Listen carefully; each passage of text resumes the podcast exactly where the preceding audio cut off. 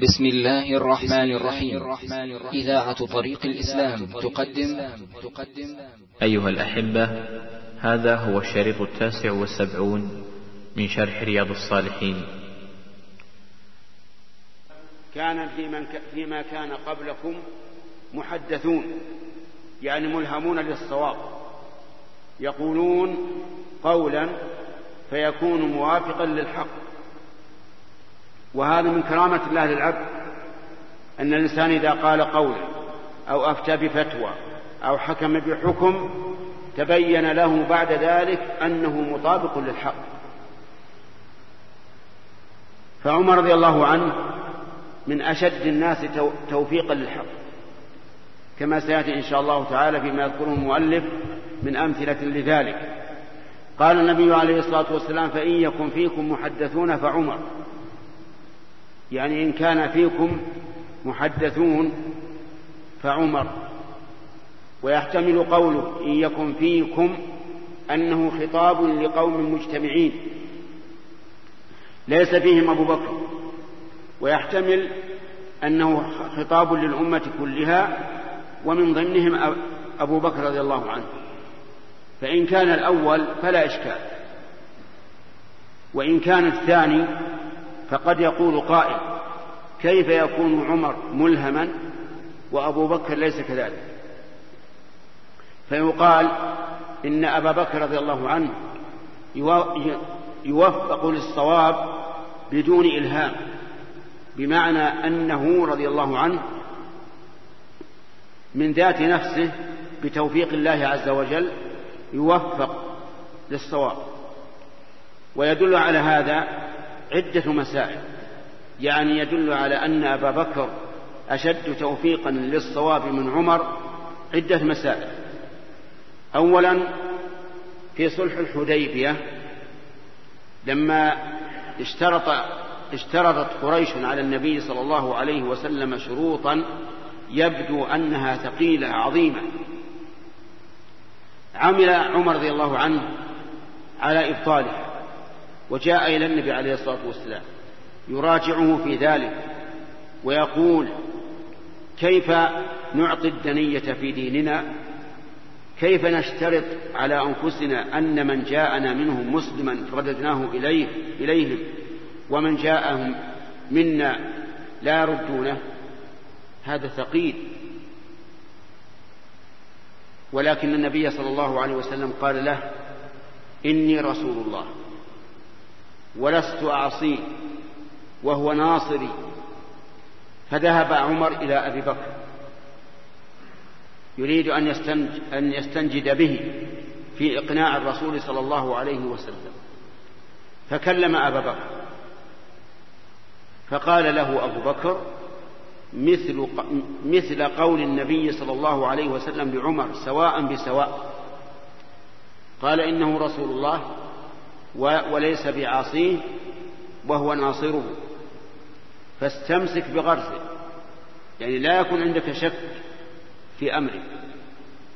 هذه واحدة. إذا من الموفق للصواب في هذا؟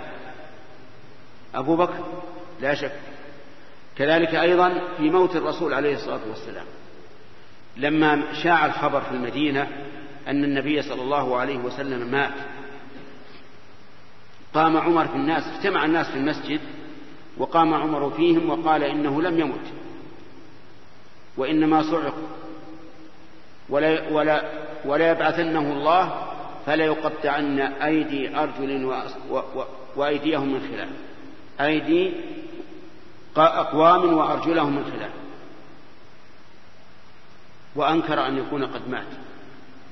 وكان أبو بكر قد خرج ذلك اليوم إلى بستان له خارج المدينة فلما رجع وجد النبي صلى الله عليه وسلم قد مات حقا.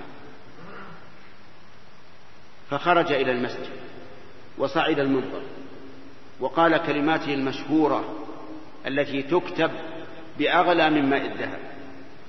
قال أما بعد أيها الناس من كان يعبد محمدا فإن محمدا قد مات. ومن كان يعبد الله فإن الله حي لا يموت. ثم قرأ قول الله تعالى إنك ميت وإنهم ميتون. وقوله تعالى وما محمد إلا رسول قد خلت من قبله الرسل. أفإن مات أو قتل انقلبتم على أعقابكم. قال عمر فوالله ما أنت لها أبو بكر حتى عقرت.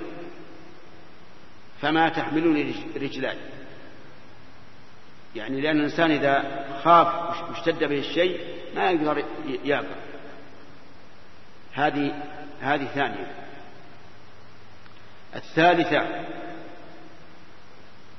أنه لما توفي الرسول عليه الصلاة والسلام ارتد من ارتد من العرب. كفروا والعياذ بالله. وكان النبي صلى الله عليه وسلم قد جهز جيشا أميره أسامة بن زيد. ليقاتل أدنى أهل الشام. والجيش كان ظاهر المدينة ولكن لم يسيروا بعد. ولما ارتد العرب جاء عمر إلى أبي بكر وقال لا ترسل الجيش نحن في حاجة. فقال له أبو بكر والله لا أحلن راية عقدها رسول الله صلى الله عليه وسلم. وسيرهم أبو بكر. فكان الصواب مع أبي بكر رضي الله عنه لأن الناس لما سمعوا أن أهل المدينة أرسلوا الجيوش إلى أطراف الشام قال هؤلاء قالوا هؤلاء عندهم قوة ولا يمكن أن نرتد. فامتنع كثير من الناس عن الردة وبقوا في الإسلام. فالمهم أن أبا بكر رضي الله عنه أبلغ من عمر رضي الله عنه في إصابة الصواب لا سيما في المواضع الضنكة الضيقة. فعلى كل حال كلا الرجلين رضي الله عنهما وجمعنا وإياكم بهما في جنات النعيم كلاهما موفق للصواب. وكلما كان الإنسان أقوى إيمانا بالله وأكثر طاعة لله وفقه الله تعالى للحق بقدر ما معه من العلم والإيمان والعمل الصالح. تجده مثلا يعمل عمل يظنه صوابا لكن بدون أن يكون عنده دليل من القرآن والسنة فإذا راجع أو سأل وجد أن عمله مطابق للكتاب والسنة. وهذه من الكرامات. فعمر رضي الله عنه قال فيه الرسول عليه الصلاة والسلام إن يكن فيكم محدثون فإنه عمر. وسيأتي إن شاء الله الكلام على حديث جابر بن سمرة في الدرس القادم. الحمد لله رب العالمين والصلاة والسلام على نبينا محمد وعلى آله وصحبه أجمعين. قال نقل المؤلف رحمه الله تعالى في سياق الأحاديث في باب كرامات الأولياء وفضلهم. عن جابر بن سمرة رضي الله عنهما قال شكى أهل الكوفة سعدا يعني ابن أبي وقاص رضي الله عنه إلى عمر بن الخطاب رضي الله عنه فعزله واستعمل عليهم عمارا فشكوا حتى ذكروا أنه لا يحسن يصلي فأرسل إليه فقال يا أبا إسحاق إن هؤلاء يزعمون أنك لا تحسن تصلي. فقال أما أنا والله فإني كنت أصلي بهم صلاة رسول الله صلى الله عليه وسلم لا أخرم عنها. أصلي صلاتي العشاء فأركد في الأوليين وأخف في الأخريين. قال ذلك الظن بك يا أبا إسحاق. وأرسل معه رجلا وأرسل معه رجلا أو رجالا إلى الكوفة يسأل عنه أهل الكوفة. فلم يدع مسجدا إلا سأل عنه ويثنون معروفا حتى دخل مسجدا لبني عبس فقام رجل منهم يقال له أسامة بن قتادة يكنى أبا سعدة فقال أما إذ نشدتنا فإن سعدا كان لا يسير بالسرية ولا يقسم بالسوية ولا يعدل في القضية. قال سعد أما والله لأدعون بثلاث. اللهم إن كان عبدك هذا كاذبا قام رياء وسمعة فأطل عمره وأطل فقره وعرضه للفتن. وكان بعد ذلك إذا سئل يقول شيخ كبير مفتون أصابتني دعوة سعد. قال عبد الملك بن عمير الراوي عن جابر بن سمرة فأنا رأيته بعد قد سقط حاجباه على, عيني على عينيه من الكبر وإنه ليتعرض للجواري في الطرق فيغمزهن. متفق عليه. من الكرامات التي ذكرها بل نقلها النووي رحمه الله في كتابه رياض الصالحين وهي ما رواه جابر بن سمرة في قصة سعد بن أبي وقاص رضي الله عنه. وكان سعد معروفا بإجابة الدعوة يعني أن الله أعطاه كرامة وهو أنه تعالى يجيب دعوته إذا دعا. وقد جعله أمير المؤمنين عمر بن الخطاب اميرا على أهل الكوفة لأن المسلمين لما فتحوا العراق مصروا الامصار وجعلوا البصرة والكوفة وهما أشهر ما يكون في العراق. ثم إن أمير المؤمنين جعل لهما أمراء فأمر سعد بن أبي وقاص على الكوفة. فشكاه أهل الكوفة, أهل الكوفة إلى أمير المؤمنين عمر حتى قالوا إنه لا يحسن أن يصلي.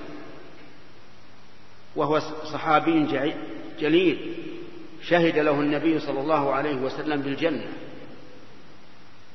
فأرسل إليه عمر فحضر وقال إن أهل الكوفة شكوك حتى قالوا إنك لا تحسن لا تحسن أن تصلي. فأخبره سعد رضي الله عنه أنه كان يصلي بهم صلاة النبي صلى الله عليه وعلى آله وسلم. وذكر صلاة العشاء. وكأنها والله أعلم هي التي وقع تعيينها من هؤلاء الشكاة. فقال إني لأصلي بهم صلاة رسول الله صلى الله عليه وعلى آله وسلم لا أخرم عنها. يعني معناه لا أدعها أستمر. فكنت أطول في العشاء في الأوليين وأقصر في الأخريين. فقال له عمر رضي الله عنه ذلك الظن بك يا أبا إسحاق. فزكاه عمر لأن هذا هو الظن به أنه يحسن الصلاة وأنه يصلي بقومه الذين أمر عليهم صلاة النبي صلى الله عليه وعلى آله وسلم. ولكن مع ذلك تحرى عمر رضي الله عنه لأنه يتحمل مسؤولية ويعرف قدر المسؤولية أرسل رجالا إلى أهل الكوفة يسألهم عن عن سعد وعن سيرته. فكان هؤلاء الرجال لا يدخلون مسجدا ويسألون عن سعد إلا أثنوا عليه معروفا. حتى أتى مسجد لبني عبس فسألهم حتى أتى هؤلاء الرجال إلى مسجد بني عبس فسألوهم فقام رجل فقال أما إن نشدتون أما إن نشدتونا فإن هذا الرجل لا يعدل في القضية ولا يسير في السرية. ثالث.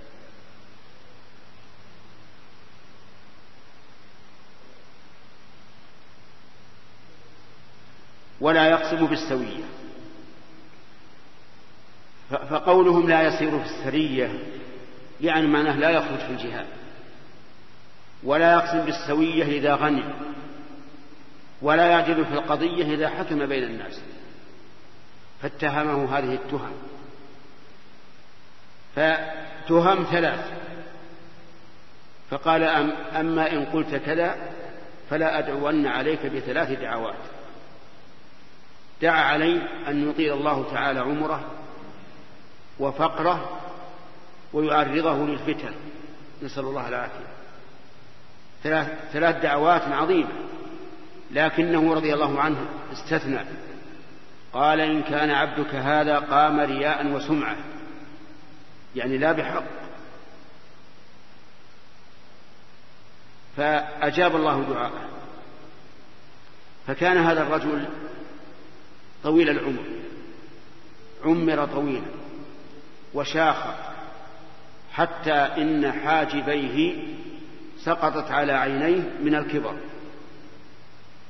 وكان فقيرا. وعرض للفتن.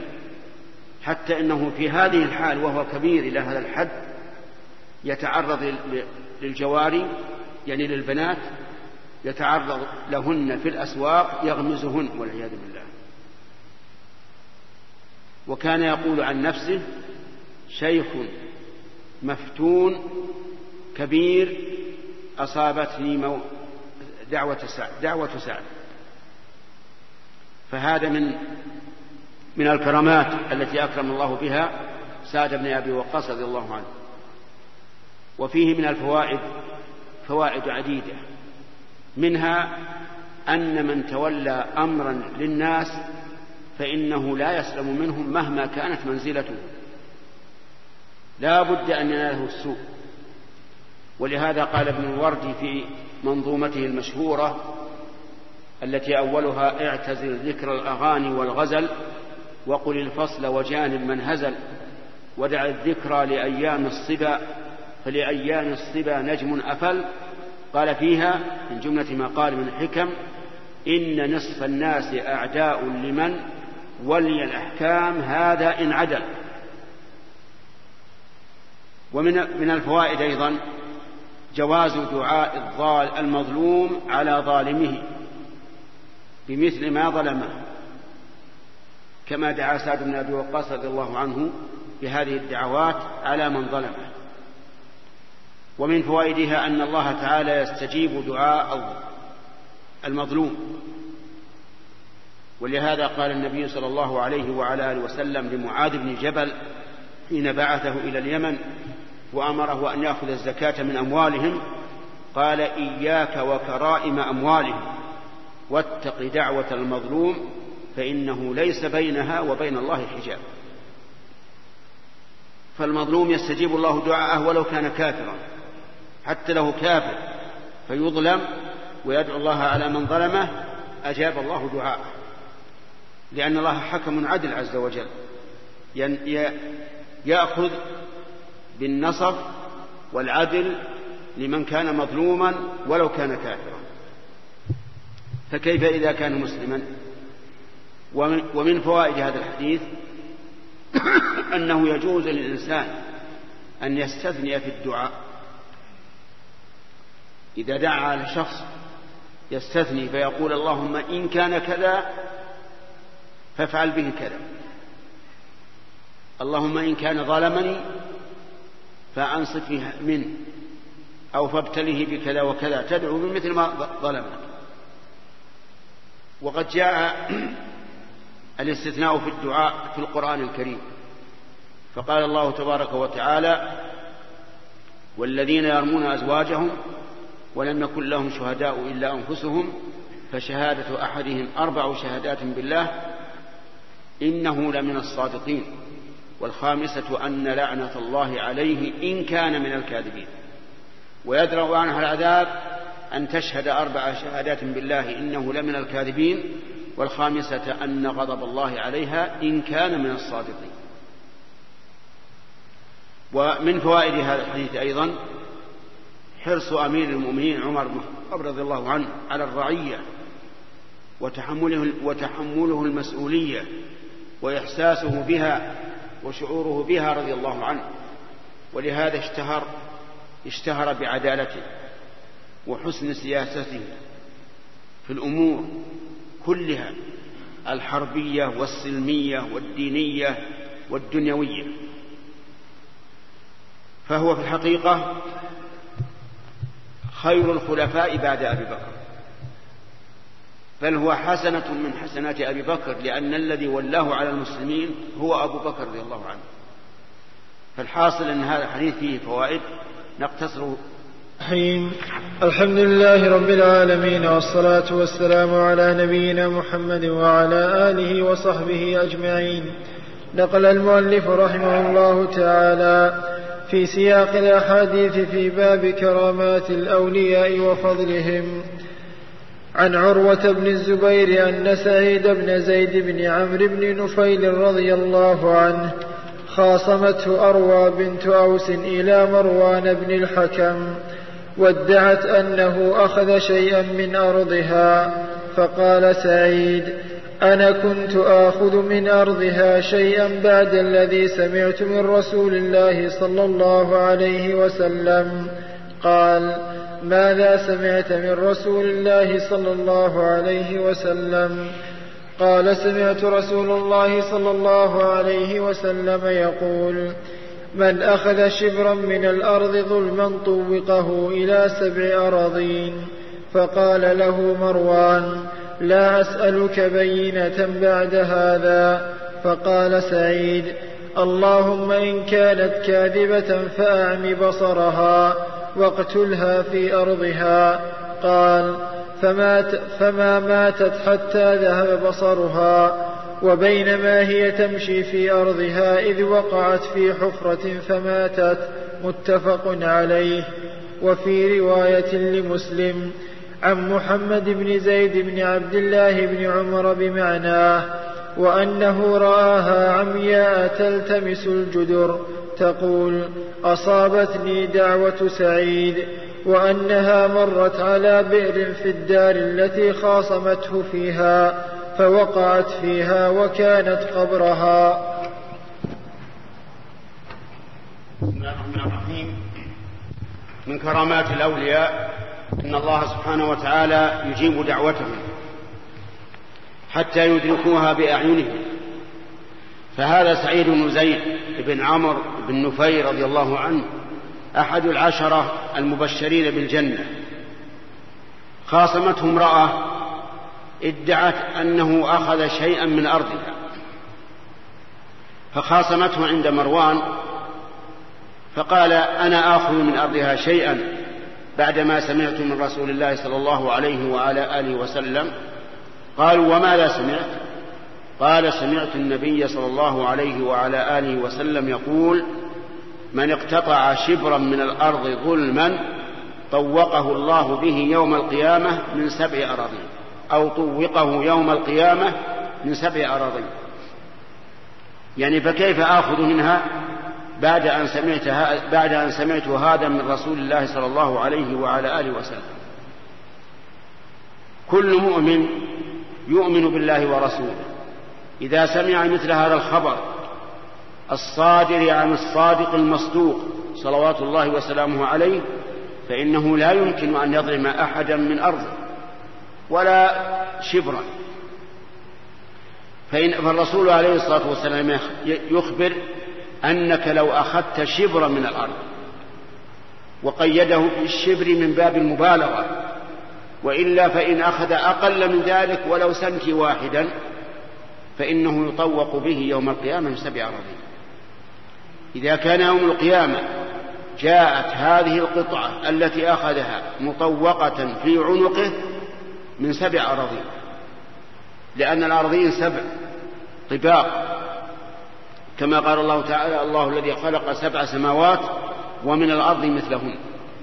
والإنسان إذا ملك أرضا ملك قعرها إلى أسفل السافلين. إلى الأرض السابعة وإذا ملكها أيضا ملك هواءها إلى الثريا. لا أحد يستطيع أن يبني فوقه جسرا أو أن يحفر تحته خندقا لأن الأرض له إلى أسفل السافلين وإلى أعلى السماء. كلها له. إذا كان يوم القيامة وهذا قد اقتطع شبرا من الأرض غير حق فإنه يأتي يوم القيامة مطوقا به عنقه نسأل الله العافية.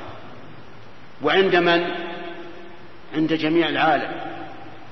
كل شيء محشور يوم القيامة حتى الوحوش تحشر حتى الإبل حتى البقر حتى الغنم كلها تحشر يوم القيامة.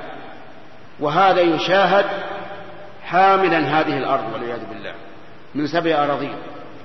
ولهذا قال النبي صلى الله عليه وسلم لعن الله من غير منار الأرض. غير منارها أي غير مراسيمها. فأدخل شيئا ليس له. وفي هذا دليل على أن قصف الأرض أو أخذ شيء بغير حق من كبائر الذنوب. لأن عليه هذا الوعيد العظيم اللعن وأنه يحمل به يوم القيامة. فما بالك بقوم اليوم يأخذون أميالا؟ بل أميال الأميال والعياذ بالله بغير حق. يأخذونها يضيقون بها مراعي المسلمين ويحرمون المسلمين من مراعيهم أو من طرقهم أو من مسيل أوديتهم أو ما أشبه ذلك. هؤلاء سوف يطوقون ما أخذوا يوم القيامة والعياذ بالله. لأنهم أخذوها بغير حق. المراعي للمسلمين عموما الخطوط الطرقات للمسلمين عموما الأودية أودية الأمطار للمسلمين عموما. ولهذا قال العلماء إن الإنسان لا يملك بالإحياء ما قرب من عامر وهو يتعلق بمصلحة هذا العامل. حتى لو أحياها وغرسها وبناها يقلع غرسه ويهدم بناؤه. إذا كان هذا يتعلق بمصالح البلد والبلد ليست ملكا لفلان أو علان بل هي لعموم المسلمين.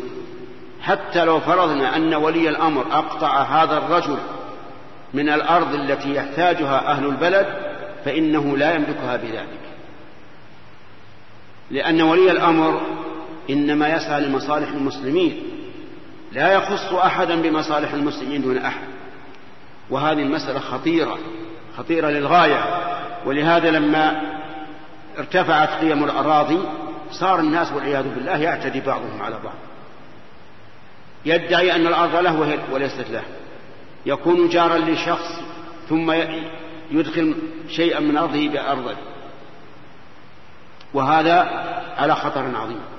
حتى إن العلماء أقول لكم كلاما تعجبون منه. قالوا لو أن الإنسان بنى جدارا ثم زاد في تشبيعه في الياصته إذا زاد في لياصته دخل على السوق سنتيمتر اللياصة فقط فإنه يكون ظالما. ويكون بذلك معاقبا عند الله يوم القيامة. إلى هذا الحد. الناس الآن والعياذ بالله يبلعون. يبلعون أميالا أو أمتارا. مع هذا الوعيد الشديد. سعيد بن زيد رضي الله عنه لما حدث مروان بهذا الحديث قال الآن لا أطلب عليك بين لأنه عرف أن سعيدا لا يمكن أبدا أن يأخذ من أرض هذه هذه المرأة بدون حق.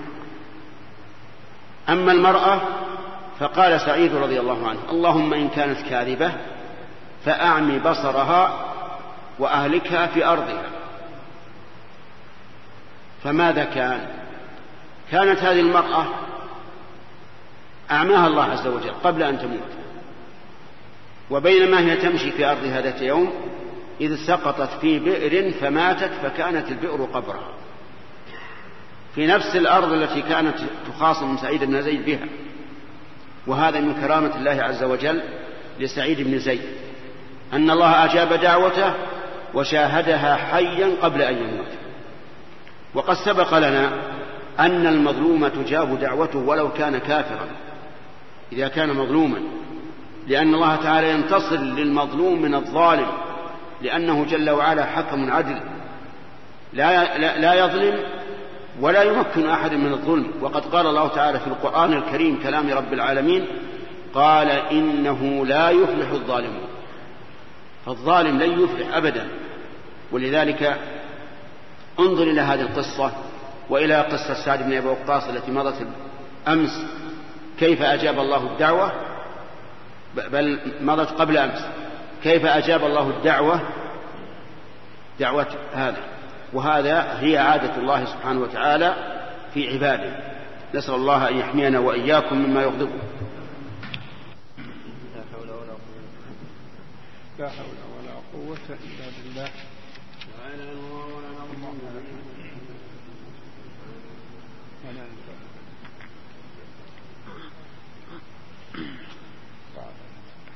اللهم لا مانع لما أعطيت ولا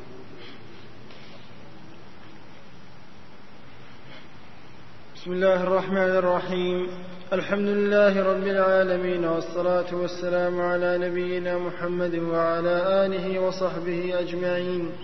نقل المؤلف رحمه الله تعالى في سياق الأحاديث في باب كرامات الأولياء وفضلهم.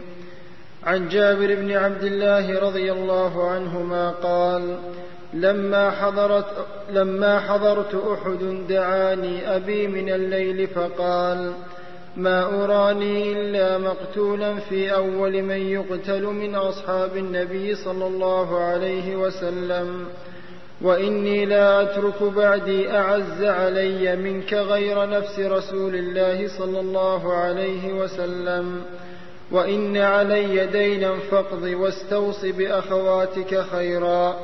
فأصبحنا فكان أول قتيل ودفنت معه آخر في قبره ثم لم تطب نفسي أن أترك أن أترك أن أتركه مع آخر فاستخرجته بعد ستة أشهر فإذا هو كيوم وضعته غير أذنه فجعلته في قبر على حدة رواه البخاري. بسم الله الرحمن الرحيم. سبق لنا بيان شيء من كرامات الأولياء التي ذكرها المؤلف رحمه الله في كتابه في رياض الصالحين في باب كرامة الأولياء وفضلهم وذكر في هذا الحديث ما جرى لعبد الله بن حرام رضي الله عنه والد جابر بن عبد الله.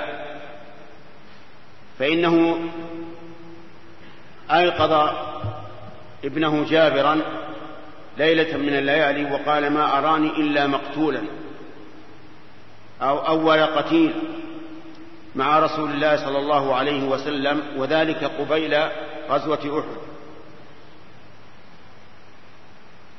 ثم أوصاه وقال إني لن أترك بعدي أحدا أعز منك بعد رسول الله صلى الله عليه وعلى آله وسلم. وأوصاه بأن يقضي دينا كان عليه وأوصاه بأخواته. ثم كانت الغزوة فقتل رضي الله عنه عبد الله بن حرام. قتل وكان القتلى في ذلك اليوم سبعين رجلا. فكان يشق على المسلمين أن يحفروا لكل رجل قبرا فجعلوا يدفنون الاثنين والثلاثة في قبر واحد ودفن مع أبي جابر عبد الله بن حرام دفن معه رجل آخر. ولكن عبد الله رضي الله عنه لم تطب ولكن جابر رضي الله عنه لم تطب نفسه حتى فرق بين أبيه وبين من دفن معه. فحفره بعد ستة أشهر من دفنه. فوجده كأنه دفن اليوم. لم يتغير إلا شيئا في أذنه شيئا يسيرا ثم أفرده في قبر. أما عبد الله فأوفى رضي الله عنه دين أبيه واستوصى بأخواته خيرا حتى إنه تزوج أعني جابرا تزوج بعد ذلك وتزوج امرأة ثيبا فسأله النبي صلى الله عليه وسلم هل تزوجت؟ قال نعم. قال بكرا أم ثيبا؟ قال بل ثيبا. قال فهل لا تزوجت بكرا؟ تلاعبك وتلاعبها وتضحكك وتضحكها؟ فقال يا رسول الله إن أبي ترك أخوات لي وذكر أنه أخذ الثيب لتقوم عليهن. في هذا من كرامة أبي جابر وهو عبد الله بن حرام أنه رضي الله عنه صدق الله رؤياه. فصار أول, أول قتيل في أحد. دفن ولم تأكل الأرض منه شيئا إلا يسيرا وقد مضى عليه ستة أشهر. وهذا من كراماته. واعلم أن الإنسان إذا دفن فإن الأرض تأكله. لا يبقى إلا عجب الذنب. عجب الذنب هذا يكون كالنواة لخلق الناس يوم القيامة. تنبت منه الأجساد.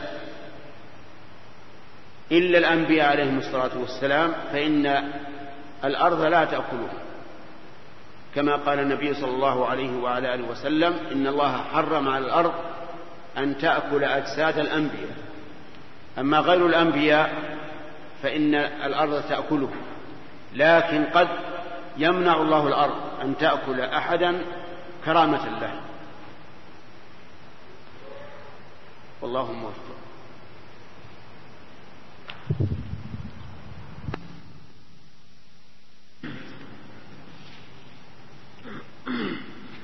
بسم الله الرحمن الرحيم. الحمد لله رب العالمين والصلاة والسلام على نبينا محمد وعلى آله وصحبه أجمعين. نقل المؤلف رحمه الله تعالى في سياق الأحاديث في باب كرامات الأولياء وفضلهم.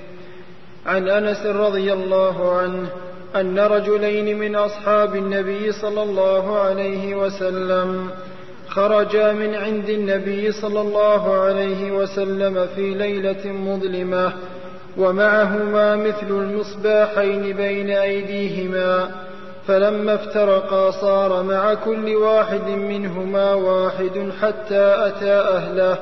رواه البخاري من طرق وفي بعضها أن الرجلين أسيد بن حضير وعباد بن بشر رضي الله عنهما وعن أبي هريرة رضي الله عنه قال بعث رسول الله صلى الله عليه وسلم عشرة رهط عينا سرية وأمر عليهم عاصم بن ثابت الأنصاري رضي الله عنه فانطلقوا حتى إذا كانوا بالهدأة بين عسفان ومكة ذكروا, ذكروا لحي من هذيل يقال لهم بنو, لح بنو لحيان. فنفروا لهم بقريب من مئة رجل من مئة رجل رام فاقتصوا آثارهم فلما أحس بهم عاصم وأصحابه لجأوا إلى موضع فأحاط بهم القوم فقالوا انزلوا فأعطوا بأيديكم ولكم العهد والميثاق أن لا نقتل منكم أحدا. فقال عاصم بن ثابت أيها القوم أما أنا فلا أنزل على ذمة كافر. اللهم أخبر عنا نبيك صلى الله عليه وسلم. فرموهم بالنبل فقتلوا عاصما. ونزل إليهم ثلاثة نفر على العهد والميثاق منهم خبيب وزيد بن, وزيد بن الدثنة ورجل آخر. فلما, است فلما استمكنوا منهم أطلقوا أوتار أو أطلقوا أوتار قسي قسيهم فربطوهم. قال الرجل الثالث هذا أول هذا أول الغدر والله هذا أول الغدر. والله لا أصحبكم إن والله لا أصحبكم إن لي بهؤلاء أسوة يريد القتلى فجروا وعالجوه فأبى أن يصحبهم فقتلوه وانطلقوا بخبيب وزيد, وزيد بن الدثنة حتى باعوهما بمكة بعد وقعة بدر فابتاع بنو الحارث بن فابتاع, فابتاع بنو الحارث بن عامر بن نوفل بن عبد مناف ابن عبد مناف خبيبا وكان خبيب هو قتل الحارث يوم بدر فلبث خبيب فلبث خبيب عندهم أسيرا حتى أجمعوا على قتله فاستعار من بعض بنات الحارث موسى يستحد بها فأعارته فدرج فدرج فدرج فدرج بني لها وهي غافلة حتى أتاه فوجد فوجدته فوج فوجدته مجلس فوجدته مجلسه على فخذه والموسى بيده ففزعت فزعة عرفها خبيب فقال أتخشين أن أقتله؟ ما كنت لأفعل ذلك. قالت والله ما رأيت أسيرا خيرا من خبيب. فوالله لقد وجدته يوما يأكل قطفا من عنب في يده وإنه لم وإنه لموثق بالحديد وما بمكة من ثمرة وكانت تقول إنه لرزق رزقه الله خبيبا. فلما خرجوا به من الحرم ليقتلوه في الحل قال لهم خبيب دعوني أصلي ركعتين. فتركوه فركع ركعتين فقال والله لولا أن تحسبوا أن ما بي جزع لزدت. اللهم أحصهم عددا واقتلهم بددا ولا تبق منهم أحدا. وقال فلست ابالي حين أقتل مسلما على أي جنب كان لله مصرعي؟ وذلك في ذات الإله وإن يشاء يبارك على أوصال شلو ممزعي وكان خبيب هو سن وكان خبيب هو سن لكل مسلم قتل صبرا, صبرا الصلاة. وأخبر يعني النبي صلى الله عليه وسلم أصحابه يوم أصيبوا خبرهم. وبعث ناس من قريش إلى عاصم بن ثابت حين حدثوا. أنه قتل أن يؤتوا أن يؤتوا بشيء, أن يؤتوا بشيء منه يعرف وكان قتل رجل أن يأتوا بشيء منه يعرف وكان قتل رجلا من عظمائهم. فبعث الله لعاصم مثل الظلة من الدبر فحمت فحمت من الدبر من الدبر.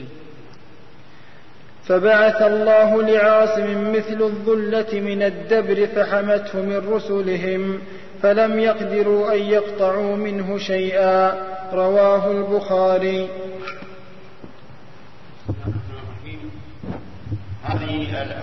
هذان حديثان ساقهما النووي رحمه الله في كتابه رياض الصالحين في باب كرامات الأولياء وفضلهم.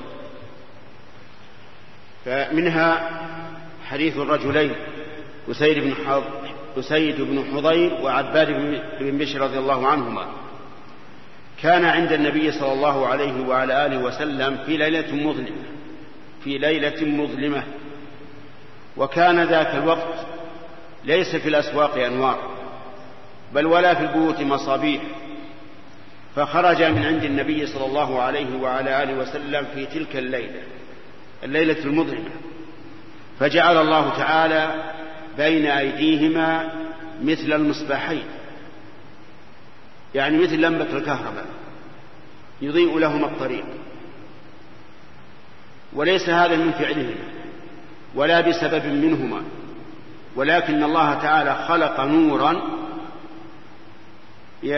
يسعى بين أيديهما حتى تفرقا وتفرق النور مع كل واحد منهم حتى بلغ بيوتهما. وهذا من كرامة الله عز وجل. من كرامة الله أن الله تعالى يضيء للعبد الطريق. الطريق الحسي وفائدته حسية. فإن هذين الرجلين رضي الله عنهما وأرضاهما مشيا في إضاءة وفي نور بينما الأسواق ليس فيها إضاءة. ولا أنوار والليلة مظلمة. فقيض الله لهما هذا النور. هناك أيضا نور معنوي يقذفه الله تعالى في قلب المؤمن. كرامة له. تجد بعض العلماء يفتح الله عليه من العلوم العظيمة الواسعة في كل فن. ويرزقه ويرزقه الفهم والحفظ والمجادلة. ومن ومن هؤلاء العلماء شيخ الإسلام ابن تيمية رحمه الله عليه. فإن هذا الرجل من الله به على الأمة الإسلامية وما زالت الأمة الإسلامية تنتفع بكتبه إلى يومنا هذا. وقد توفي سنة سبعمائة وثمان وعشرين. يعني له مئات السنين. والأمة تنتفع بكتبه. وقد أعطاه الله تعالى علما عظيما وفهما ثاقبا وقوة في المجادلة ولا أحد يستطيع أن يجادله في شيء أبدا ما قام له أحد.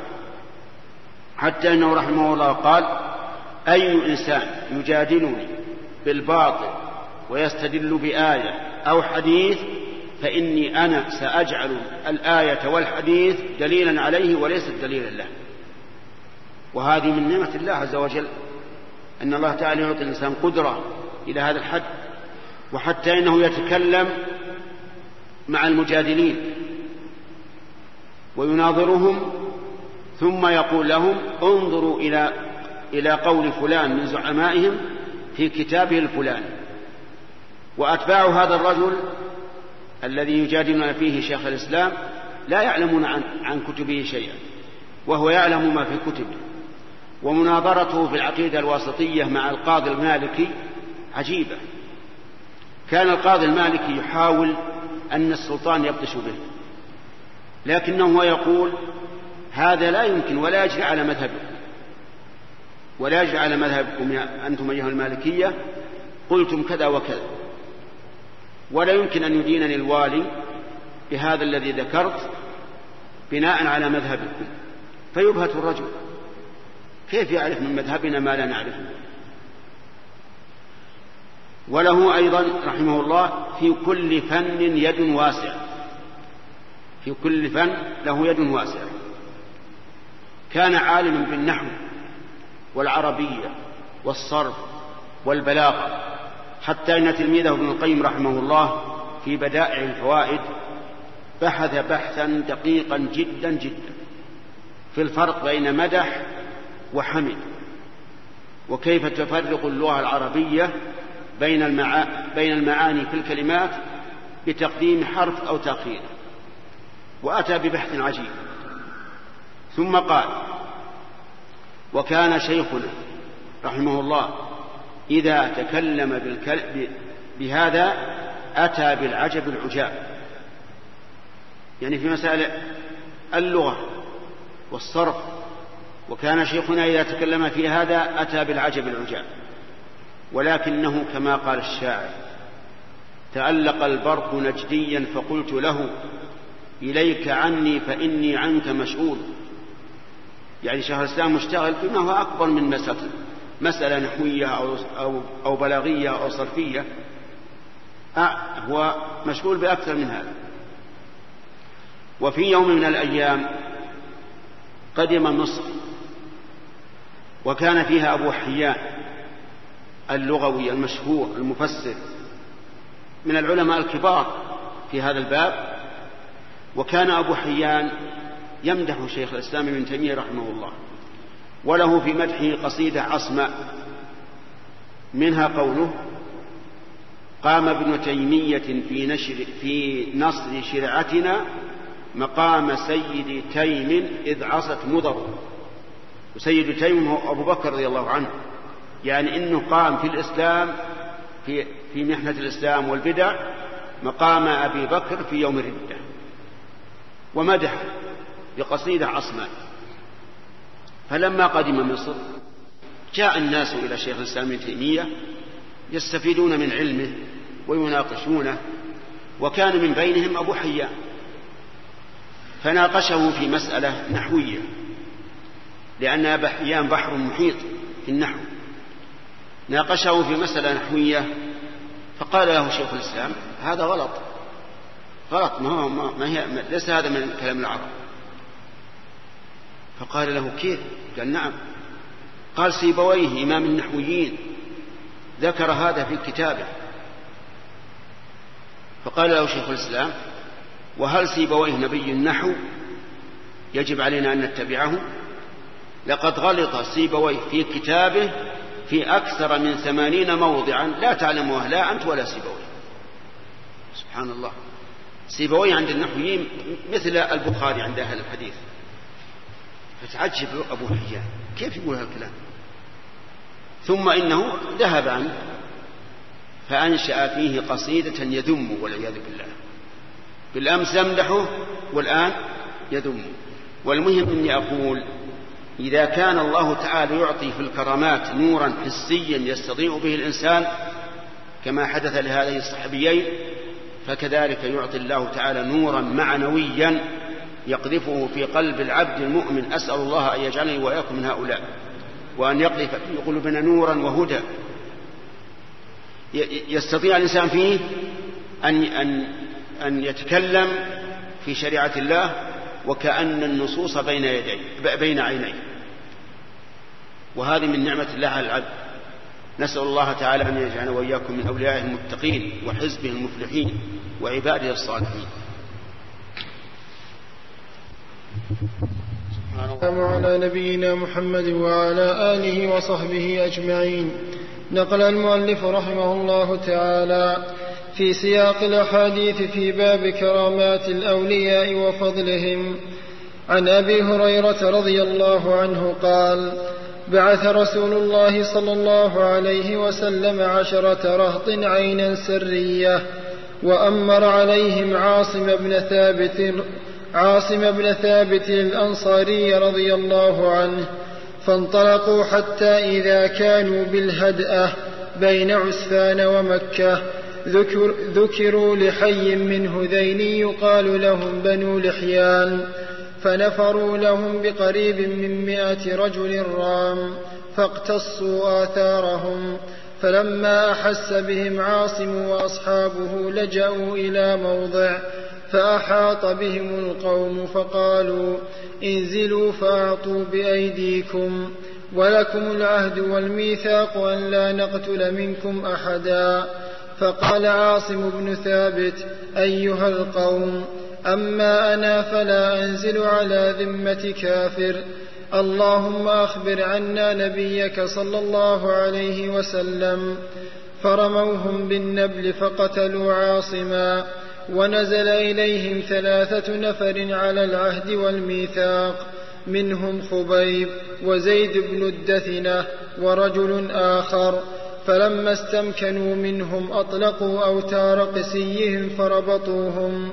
قال الرجل الثالث هذا أول الغدر والله لا أصحبكم إن لي بهؤلاء أسوة يريد القتلى.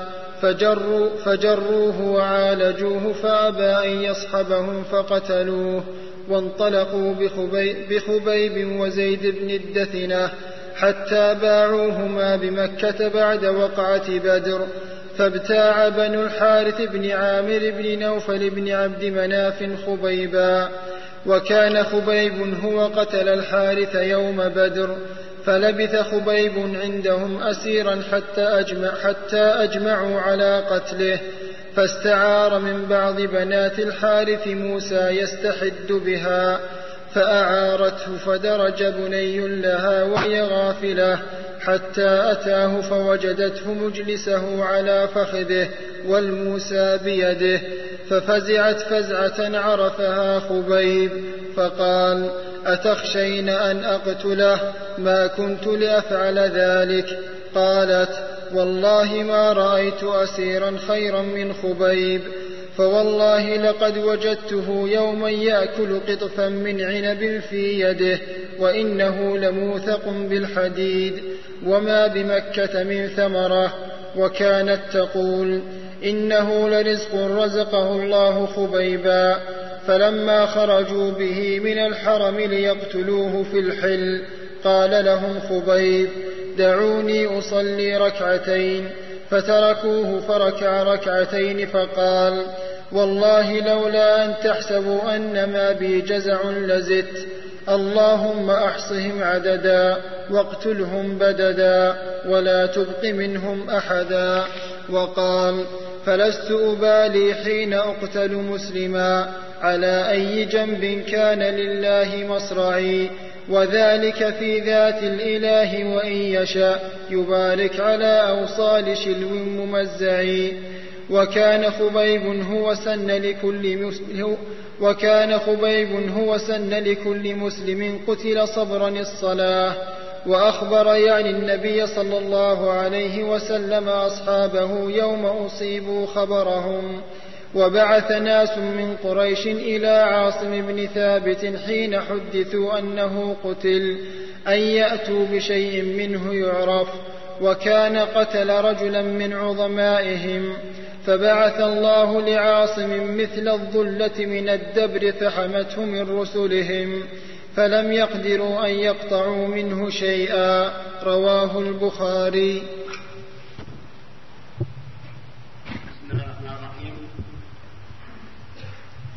ساق المؤلف رحمه الله في باب كرامات الأولياء وفضلهم عدة أحاديث ومنها حديث أبي هريرة رضي الله عنه في قصة عاصم بن ثابت الأنصاري وصحبه. أرسلهم النبي صلى الله عليه وسلم وهم عشرة عينا سرية. عينا يعني مثل الجواسيس للعدو. سرية يعني أخفاهم عليه الصلاة والسلام. فلما وصلوا قرب مكة شعر بهم جماعة من هذيل فخرجوا إليهم في نحو مائة رجل. مائة رجل رامي يعني يجدون الرمي. فاتبعوا آثارهم حتى أحاطوا بهم. ثم طلبوا منهم أي هؤلاء الهذيليون طلبوا منهم أن ينزلوا بأمان وأعطوهم عهدا أن لا يقتلوه. فأما عاصم فقال والله لا أنزل على ذمة كافر أي على عهده لأن الكافر قد خان الله عز وجل ومن خان الله خان عباد الله. ولهذا لما كتب أبو موسى الأشعري رضي الله عنه إلى عمر بن الخطاب كتب إليه أن عنده رجلا نصرانيا جيدا في المحاسبة وطلب من عمر أن يأذن له أن يوظف هذا النصراني على بيت المال لأنه رجل جيد في الحساب. فكتب إليه عمر أنني لا آمن من خان الله ورسوله. لأن كل كافر فهو خائن ولا توليه على على بيت المال. فكتب إليه مرة ثانية أبو موسى قال هذا رجل يعني قل من من يوجد مثله في الحساب والجودة. فكتب إليه عمر بسم الله الرحمن الرحيم. من أمير المؤمنين عبد الله عمر بن الخطاب. مات النصراني والسلام. كلمة واحدة جملة واحدة. مات النصراني يعني قدر أنه مات. هل إذا مات تتعطل المحاسبة عندنا في بيت المال؟ فقطع طمع أبي موسى العشري رضي الله عنه. المهم أن عاصم بن ثابت أبى أن ينزل على عهد الكفار لأنهم لا يؤتمنون. كل كافر فهو غير أمين. ثم إنهم رموهم بالنبل. يعني هؤلاء الهذليون رموا هؤلاء الصحابة العشرة. فقتلوا قتلوا عاصما وقتلوا آه، ستة آخرين. وبقي ثلاثة بقي هؤلاء الثلاثة وقالوا ننزل وننظر ماذا هل يوفون أم لا. فأخذهم الهذليون ثم حلوا قسيهم وربطوهم بها ربطوا أيديهم. فقال الثالث هذا أول الغدر لا يمكن أن أصحبكم. فحاولوا حاولوا قال أبدا. فقتلوه. ثم ذهبوا بخبيب وصاحبه إلى مكة فباعوهما. فاشتري خبيب رضي الله عنه اشتراه أناس من أهل مكة وكان قد ذاب قتل زعيما لهم في بدر. خبيب ورأوا هذه فرصة أن يقتلوه ثم أبقوه عندهم أسيرا. مغلولة, مغلولة, مغلولة يداه. في يوم من الأيام كان في البيت وكان أسيرا مغلولات يده.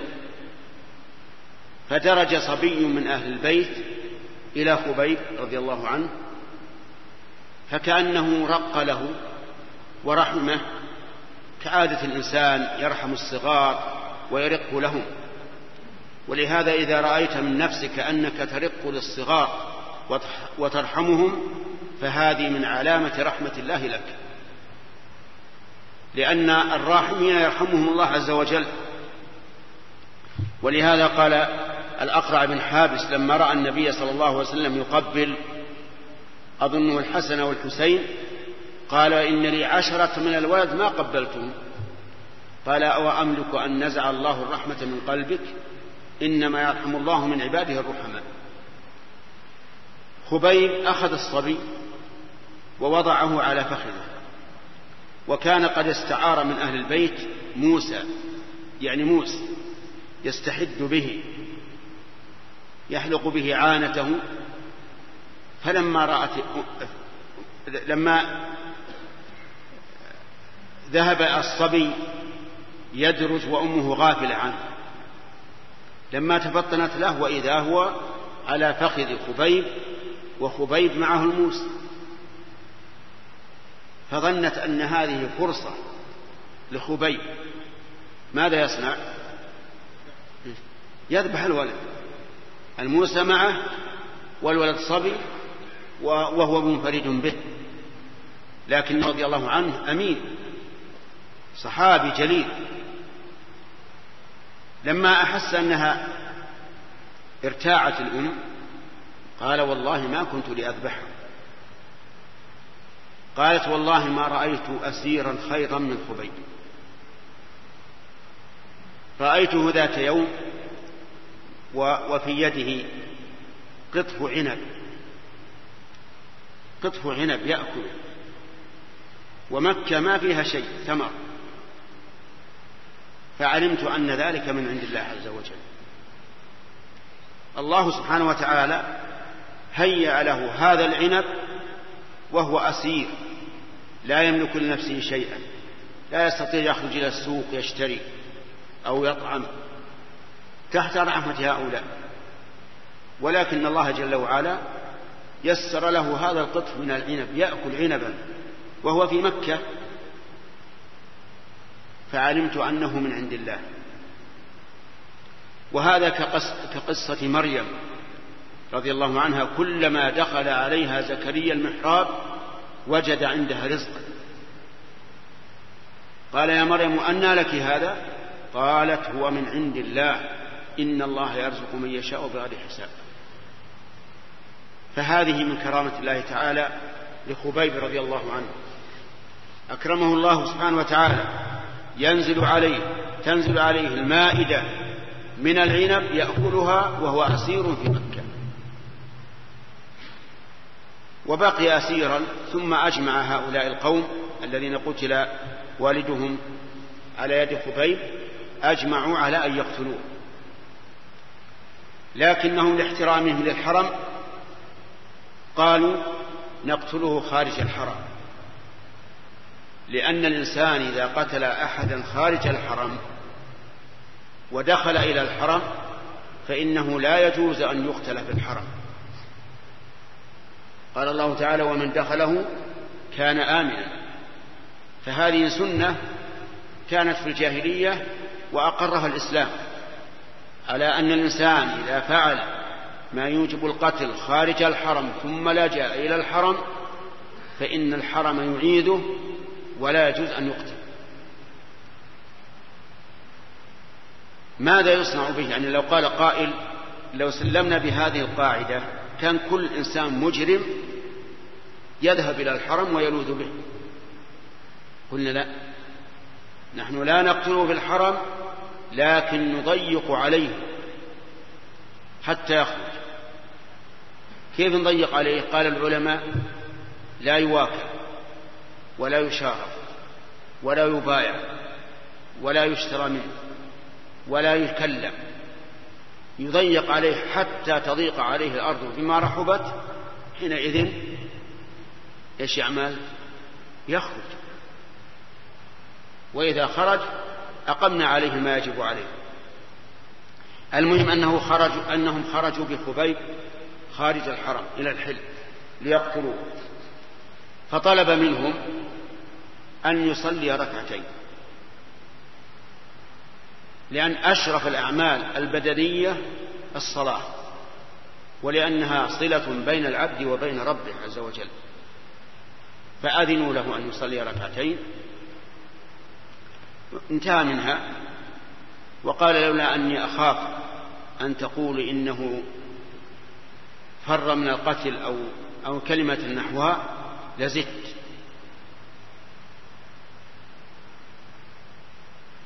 ولكنه رضي الله عنه صلى ركعتين فقط ثم أنشد هذين البيتين. ولست أبالي حين أقتل مسلما على أي جنب كان لله مصرعي فقتلوه. أما عاصم بن ثابت فله أيضا كرامة أخرى نأتي إليها في الدرس المقبل إن شاء الله. بسم الله الرحمن الرحيم. الحمد لله رب العالمين والصلاة والسلام على نبينا محمد وعلى آله وصحبه أجمعين. نقل المؤلف رحمه الله تعالى في سياق الأحاديث في باب كرامات الأولياء وفضلهم. عن أبي هريرة رضي الله عنه قال بعث رسول الله صلى الله عليه وسلم عشرة رهط عينا سرية وأمر عليهم عاصم بن ثابت الأنصاري رضي الله عنه فانطلقوا حتى إذا كانوا بالهدأة بين عسفان ومكة ذكروا لحي من هذيل يقال لهم بنو لحيان فنفروا لهم بقريب من مائة رجل رام فاقتصوا آثارهم. فلما أحس بهم عاصم وأصحابه لجأوا إلى موضع فأحاط بهم القوم فقالوا انزلوا فأعطوا بأيديكم ولكم العهد والميثاق أن لا نقتل منكم أحدا. فقال عاصم بن ثابت أيها القوم أما أنا فلا أنزل على ذمة كافر اللهم أخبر عنا نبيك صلى الله عليه وسلم. فرموهم بالنبل فقتلوا عاصما. ونزل إليهم ثلاثة نفر على العهد والميثاق. منهم خبيب وزيد بن الدثنة ورجل آخر. فلما استمكنوا منهم أطلقوا أو فلما استمكنوا منهم أطلقوا أوتار قسيهم فربطوهم. قال الرجل الثالث هذا أول الغدر والله لا أصحبكم. إن لي بهؤلاء أسوة يريد القتلى فجروه وعالجوه فأبى أن يصحبهم فقتلوه. وانطلقوا بخبيب وزيد, وزيد بن الدثنة حتى باعوهما بمكة بعد وقعة بدر. فابتاع بنو الحارث بن عامر بن نوفل بن عبد مناف خبيبا وكان خبيب هو قتل الحارث يوم بدر فلبث خبيب عندهم أسيرا حتى أجمعوا على قتله فاستعار من بعض بنات الحارث موسى يستحد بها فأعارت فدرج, فدرج بني لها وهي غافلة حتى أتاه فوجدته مجلسة فوجدته مجلسه على فخذه والموسى بيده ففزعت فزعة عرفها خبيب فقال أتخشين أن أقتله؟ ما كنت لأفعل ذلك؟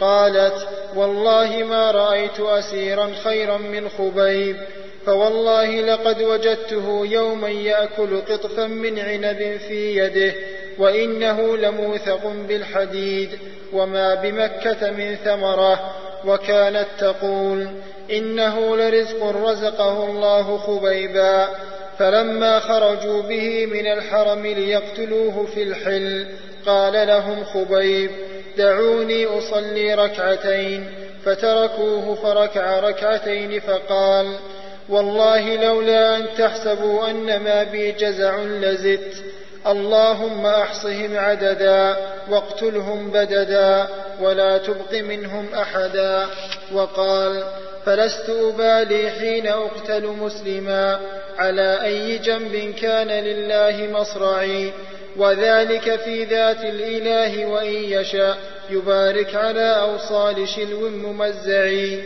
وكان خبيب وكان خبيب هو سن لكل مسلم قتل صبرا الصلاة وأخبر يعني النبي صلى الله عليه وسلم أصحابه يوم أصيبوا خبرهم وبعث ناس من قريش إلى عاصم بن ثابت حين حدثوا أنه قتل أن يأتوا بشيء منه يعرف وكان قتل رجلا من عظمائهم فبعث الله لعاصم مثل فبعث الله لعاصم مثل الظلة من الدبر فحمته من رسلهم فلم يقدروا أن يقطعوا منه شيئا.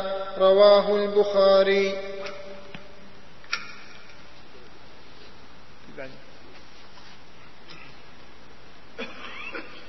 وعن أبي هريرة رضي الله عنه.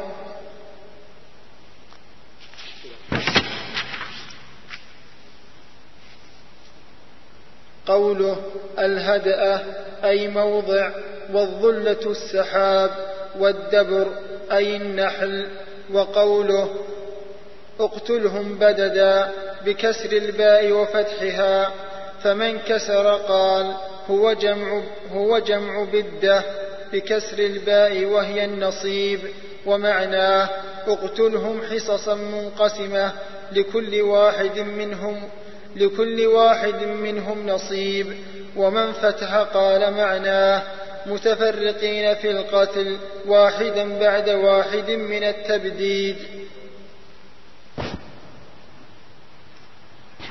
بسم الله الرحمن الرحيم. نتكلم الآن على ما بقي من حديث قصة عاصم بن ثابت ورفقائه الذين بعثهم النبي صلى الله عليه وسلم عينا سرية. يعني مثل الجواسيس يجسون على العدو. وفي القصة أن خبيب رضي الله عنه لما خرجوا به من الحرم ليقتلوه قال دعوني أصلي ركعتين. فصلى ركعتين. ثم قال لولا أني أخاف أن أن أن تظنوا أن ما بي جزاء لزدت. لأنه رضي الله عنه كان حريصا على الصلاة ويحب أن يكثر منها عند موته. ثم دعا عليهم رضي الله عنه بهذه الدعوات الثلاث. اللهم أحصهم عددا واقتلهم بددا ولا تبق منهم أحدا. فأجاب الله دعوته.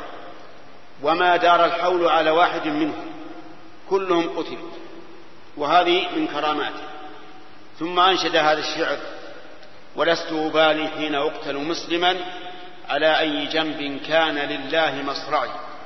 وذلك في ذات الإله فإن يشاء يبارك على أوصال شلو ممزع. فصار من الكرامة لهذا الرجل أن الله سبحانه وتعالى كان يرزقه الفاكهة التي لا توجد في مكة وأنه كان يأكلها بيده ويده موثقة بالحديد وأنه أول من سن الصلاة عند القتل فإنه فعل ذلك وأقره الله ورسوله. وأنه دعا على هؤلاء القوم فأجاب الله دعوته.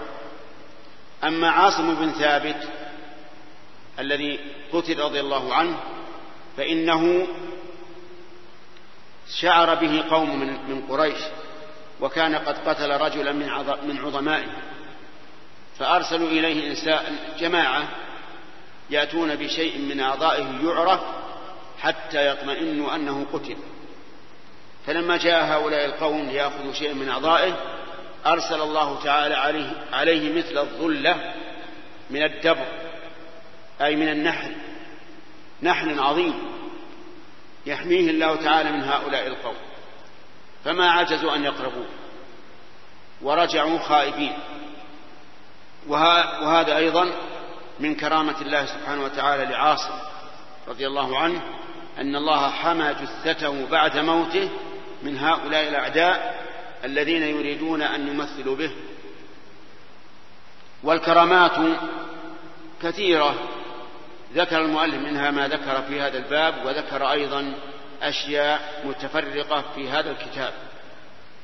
قال شيخ الإسلام رحمه الله من أصول أهل السنة والجماعة التصديق بكرامات الأولياء وما يجري الله تعالى على أيديهم من أنواع العلوم والمكاشفات والقدرة والتأثيرات. قال والكرامات موجودة قبل هذه الأمة وفي صدر هذه الأمة إلى يوم القيامة. وذكر شيئا كثيرا منها في كتابه الفرقان بين أولياء الشيطان وأولياء الرحمن. الحمد لله رب العالمين والصلاة والسلام على نبينا محمد وعلى آله وصحبه أجمعين. قال رحمه الله تعالى باب تحريم الغيبة والأمر بحفظ اللسان. قال الله تعالى ولا يغتب بعضكم بعضا أيحب أحدكم أن يأكل لحم أخيه؟ أيحب أحدكم أن يأكل لحم أخيه ميتا فكرهتموه واتقوا الله إن الله تواب رحيم وقال تعالى ولا تقف ما ليس لك به علم إن السمع والبصر والفؤاد كل أولئك كان عنه مسؤولا وقال تعالى ما يلفظ من قول إلا لديه رقيب عتيد الله الرحمن الرحيم. قال المؤلف النووي رحمه الله في كتابه رياض الصالحين باب تحريم الغيبة ووجوب حفظ اللسان. ثم ذكر عدة آيات في هذا المعنى. والغيبة بينها النبي صلى الله عليه وسلم حين قال لأصحابه أتدرون ما الغيبة؟ قالوا الله ورسوله أعلم. قال الغيبة ذكرك أخاك بما يكره. قالوا يا رسول الله أرأيت إن كان في أخي ما أقول؟ قال إن كان فيه ما تقول فقد اغتبته وإن لم يكن فيه ما تقول فقد بهته يعني مع الغيبة. فالغيبة من كبائر الذنوب التي لا تكفرها الصلاة ولا الصدقة. ولا الصيام ولا غيرها من من الأعمال الصالحة بل تبقى على الموازنة. قال قال ابن عبد القوي رحمه الله في نظمه الآداب وقد قيل وقد قيل صغرى غيبة ونميمة وكلتاهما كبرى على نص أحمد. أحمد بن حنبل رحمه الله يعني أنه قد نص على أن الغيبة والنميمة من كبائر الذنوب. وقول النبي عليه الصلاة والسلام في تعريفها ذكرك أخاك بما يكره يشمل ما يكرهه من عيب خلقي وعيب خلقي وعيب ديني. كل شيء يكرهه فإنك إذا ذكرته به فهي غيبة. من عيب خلقي كما لو اغتبته بأنه أعور أو أعرج أو طويل أو قصير أو ما أشبه ذلك. هذه غيبة أو خلقي كما لو اغتبته بأنه ليس بعفيف. ليس بعفيف. يعني يتتبع النساء ينظر إلى النساء ينظر إلى المرجال وما أشبه ذلك. أو عيب ديني بأن تقول إنه مبتدع إنه لا يصلي مع الجماعة إنه لا يفعل كذا وكذا. تعيبه في غيبته ولهذا سميت غيبة لأنها في غيبة الإنسان. أما لو كان ذلك في وجهه فإنه يسمى سبا وشتما ولا يسمى غيبة. وقول النبي عليه الصلاة والسلام إن كان فيه ما تقول فقد اغتبته وإن لم يكن فيه ما تقول فقد بهته يعني باهته مع الغيبة فحذف الشق الثاني لأنه معلوم. ونظير ذلك في الكلام أن النبي صلى الله عليه وعلى آله وسلم قال ذات يوم ليت أنا نرى إخواننا. قالوا يا رسول الله أولسنا إخوانك؟ قال لا أنتم أصحابي وإخواننا هم الذين يأتون من بعدي يعني فيؤمنون به وهم لا يرون.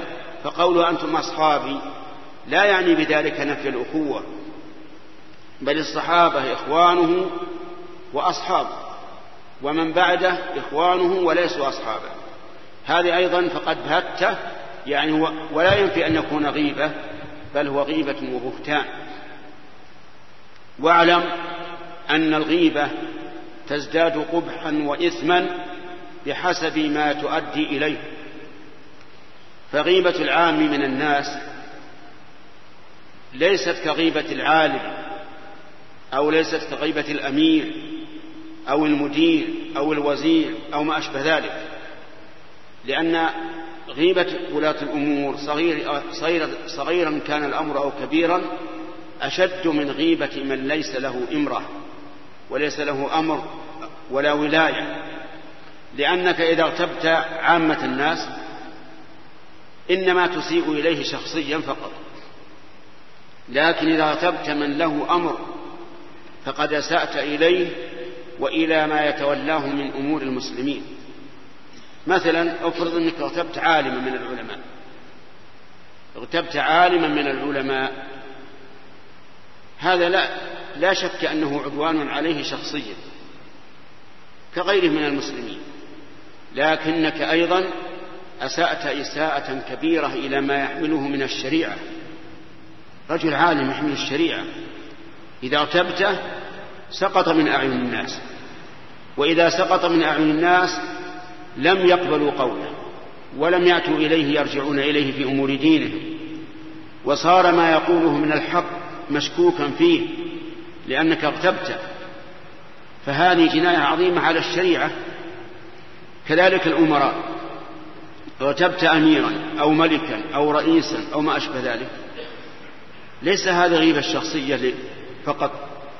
بل هي, بل هي غيبة له وفساد في ولاية أمره لأنك إذا اغتبت الأمير أو الوزير أو الملك معناها أنك تشحن قلوب الرعية على ولاتها وإذا شحنت قلوب الرعية على ولاتها فإنك في هذه الحال أسأت إلى الرعية إساءة كبيرة. إذ أن هذا سبب لنشر الفوضى بين الناس وتمزق الناس وتفرق الناس واليوم يكون رميا بالكلام وغدا يكون رميا بالسهام. لأن القلوب إذا شحنت وكرهت ولاة أمورها فإنها لا لا يمكن أن تنقاد لأوامرها. بل إذا أمرت بخير رأته شرا. ولهذا قال الشاعر كلمة صادقة قال وعين الرضا عن كل عيب كليلة. كما أن عين, السخط تبدي المساوية. فأنت مثلا إذا اغتبت أحد من الكبار الذين لهم ولاية أمر على المسلمين قيادة دينية أو قيادة تنفيذية وسلطة فإنك تسيء إلى المسلمين عموما من حيث لا تشعر قد يظن بعض الناس أن هذا يشفي من غليله وغليانه لكن كيف يصب جامه على أمن مستقر ليقلب هذا الأمن إلى خوف وهذا الاستقرار إلى قلق أو ليقلب هذه الثقة بالعالم إلى سحب الثقة.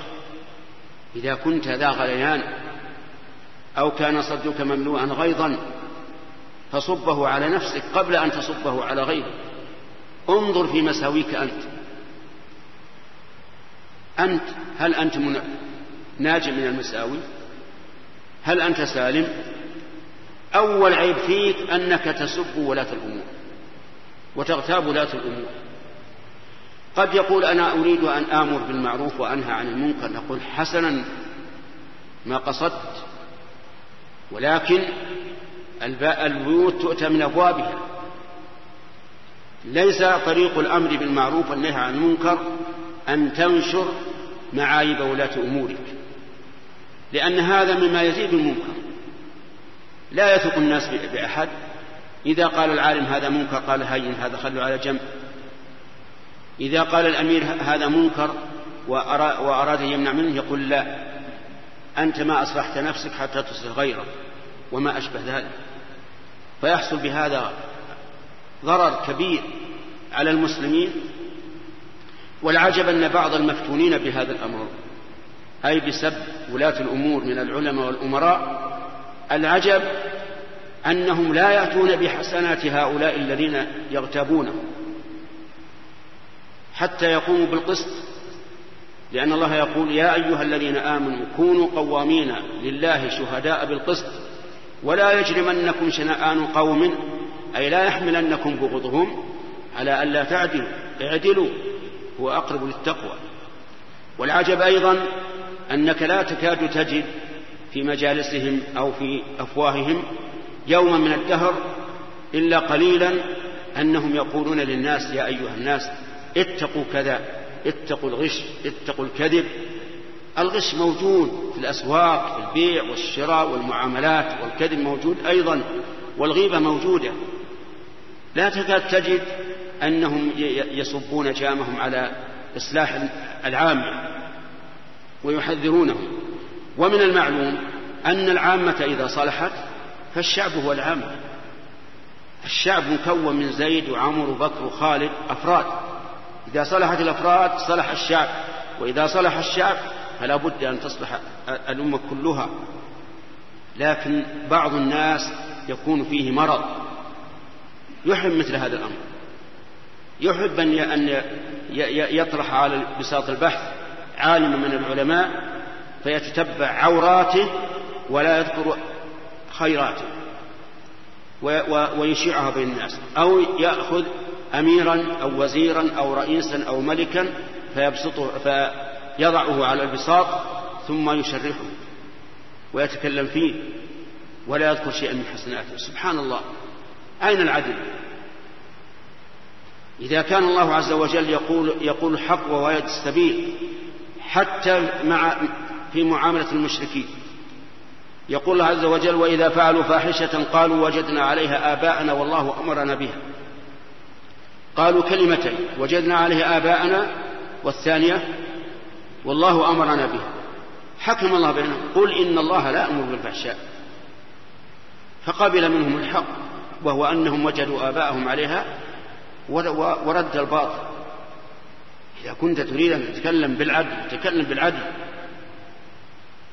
أما أن تتبع عورات المسلمين ولا سيما ولاة الأمور منهم فاعلم أن من تتبع عورة أخيه تتبع الله عورته وأن من تتبع الله عورته فضحه ولو في بيت أمه. المهم أن علينا أن نتجنب الغيبة.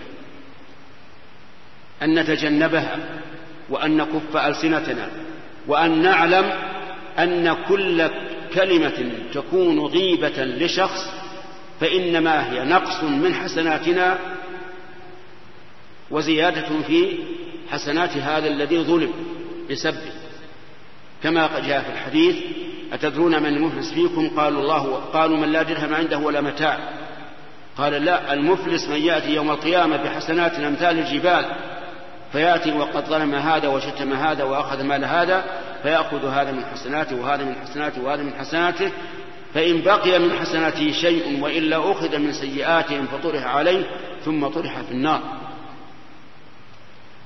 حتى أننا سمعنا عن بعض السلف أنه سمع شخصا يغتابه فأرسل إليه بهدية من اللي أرسل؟ الذي أغتيب. أرسل إلى الذي يغتابه بهدية وقال له أنت أهديتني حسنات أنتفع بها يوم القيامة. وأنا أهديك هذه الهدية تنتفع بها في الدنيا وآخر أمرها أن تكون خراءة أو بولا.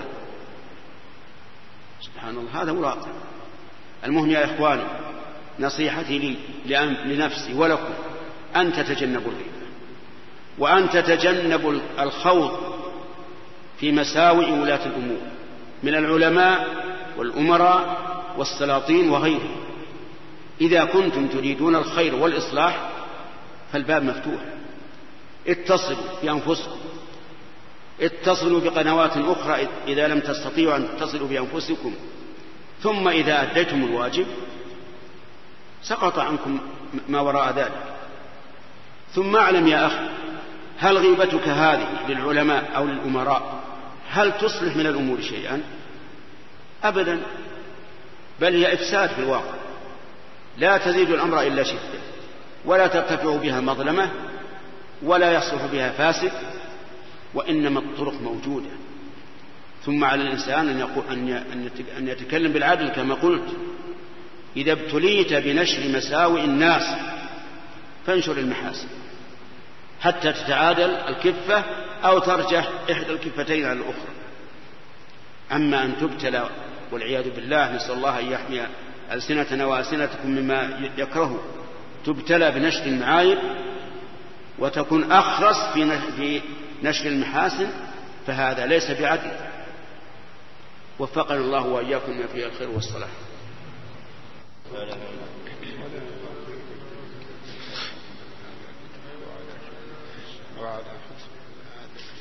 بسم الله الرحمن الرحيم. الحمد لله رب العالمين والصلاة والسلام على نبينا محمد وعلى آله وصحبه أجمعين. قال رحمه الله تعالى باب تحريم الغيبة والأمر بحفظ اللسان.